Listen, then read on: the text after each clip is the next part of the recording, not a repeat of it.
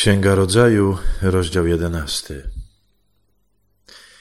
Na całej ziemi mówiono jednym językiem i posługiwano się jednakowymi wyrazami. Gdy jej mieszkańcy przywędrowali ze wschodu, znaleźli równinę w kraju Shinear i tam się osiedlili. Mówili więc jeden do drugiego, do dzieła, wyrabiajmy cegły i wypalajmy je. Używali więc cegieł jako budulca, a smoły jako zaprawy. Potem rzekli, do dzieła! Zbudujmy sobie miasto i wieżę, której szczyt sięgałby nieba, abyśmy zapewnili sobie imię i nie rozproszyli się po całym kraju. Pan zstąpił, aby zobaczyć miasto i wieże, które ludzie budowali. Wtedy Pan rzekł: Są oni jednym ludem i wszyscy mówią tym samym językiem, a jest to dopiero początek ich działania. Odtąd będą mogli wykonać wszystko, cokolwiek zamierzą. Zejdźmy tam i pomieszajmy ich języki, aby jeden nie rozumiał drugiego. W taki sposób Pan rozproszył ich stamtąd po całej ziemi i zaprzestali budować miasto.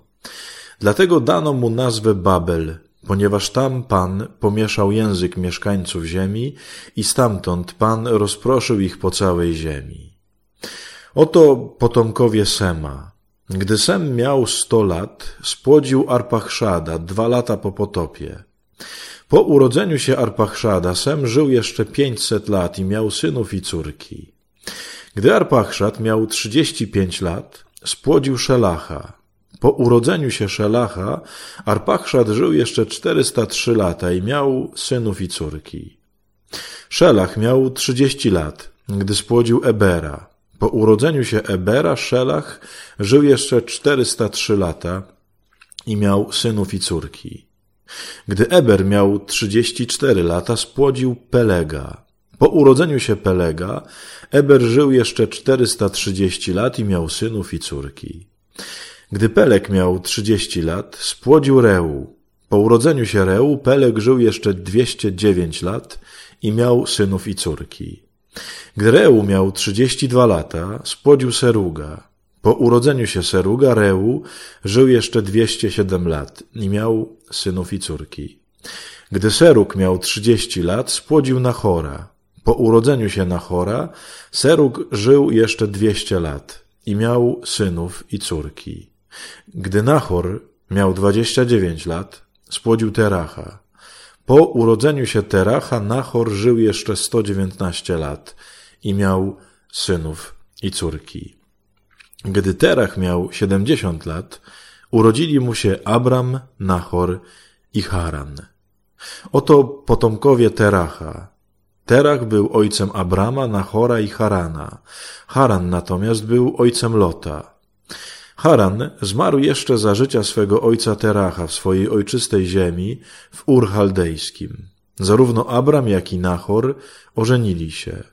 Żoną Abrama była Saraj, a żoną Nachora Milka. Była ona córką Harana, ojca Milki i Jeski. Sara jednak była niepłodna i nie miała dzieci. Pewnego razu Terach wziął swojego syna Abrama, wnuka Lota, synową Sara i żonę swego syna Abrama i wyruszył z nimi z Ur Chaldejskiego, aby udać się do kraju Kanaan. Gdy doszli do Haranu, tam zamieszkali, a Terach zmarł w Haranie, mając 205 lat. Moi drodzy, zaczynamy już w tym rozdziale, w sensie w jego końcówce, dzieje Abrahama, to jest początek tych dziejów, ale o tym będziemy sobie jeszcze mówić w następnych rozdziałach. Natomiast mamy tu jeszcze na początku tę słynną historię o wieży Babel. Kochani, nie wiem, czy kiedyś sobie myśleliście, na czym polegał grzech tych ludzi, bo mogłoby się wydawać, że Pan Bóg jakoś taki dziwny, zazdrosny jest, nie? Ludzie postanawiają wybudować bieże i Pan Bóg, żeby im się nie udało, bo mówi, że wszystko będą razem mogli zrobić, miesza im te języki. Kochani, w tym grzechu chodziło o coś bardzo prostego. Zobaczcie, że na początku Księgi Rodzaju i też potem po potopie Pan Bóg nakazał całej ludzkości rozproszyć się po całej ziemi. Chciał, żeby zasiedlili całą ziemię. Natomiast oni sobie wymyślili, to jest na początku tego rozdziału, że żebyśmy się nie rozproszyli, to sobie wybudujemy wieżę, żebyśmy mieszkali wokół niej, że miasto będzie wokół niej. To, kochani, oznacza dwie rzeczy. Jak zawsze Po pierwsze nieposłuszeństwo, nie? czyli Pan Bóg mówi jedno, a oni mają własny pomysł, jak się okazuje, dokładnie odwrotny. Dlaczego Pan Bóg miał taki pomysł? Bo Pan Bóg wie, że kiedy siedzimy w jednym miejscu, to nasze, nasze życie kostnieje. Nasze życie staje się monotonne, nudne, wkrada się grzech, wkrada się zło i tak dalej. Pan Bóg wie, bo jesteśmy tacy jak On, że my musimy być aktywni, musimy być w ruchu i kiedy próbujemy osiąść, kiedy próbujemy żyć właśnie w spokoju, bez żadnych wyzwań, żeby nie iść do przodu, nie iść dalej, to się źle z nami dzieje. I właśnie dlatego Pan Bóg im pomieszał te języki, żeby poszli dalej. Proste pytanie na dzisiaj. Gdzie w swoim życiu masz te miejsca, gdzie osiadłeś albo tak bardzo pragniesz osiąść?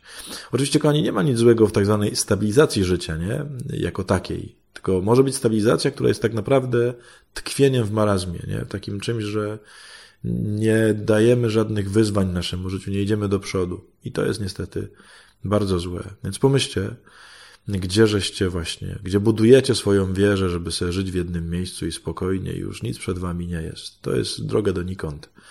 Pan Bóg nas próbuje z tego, z tego wyrwać.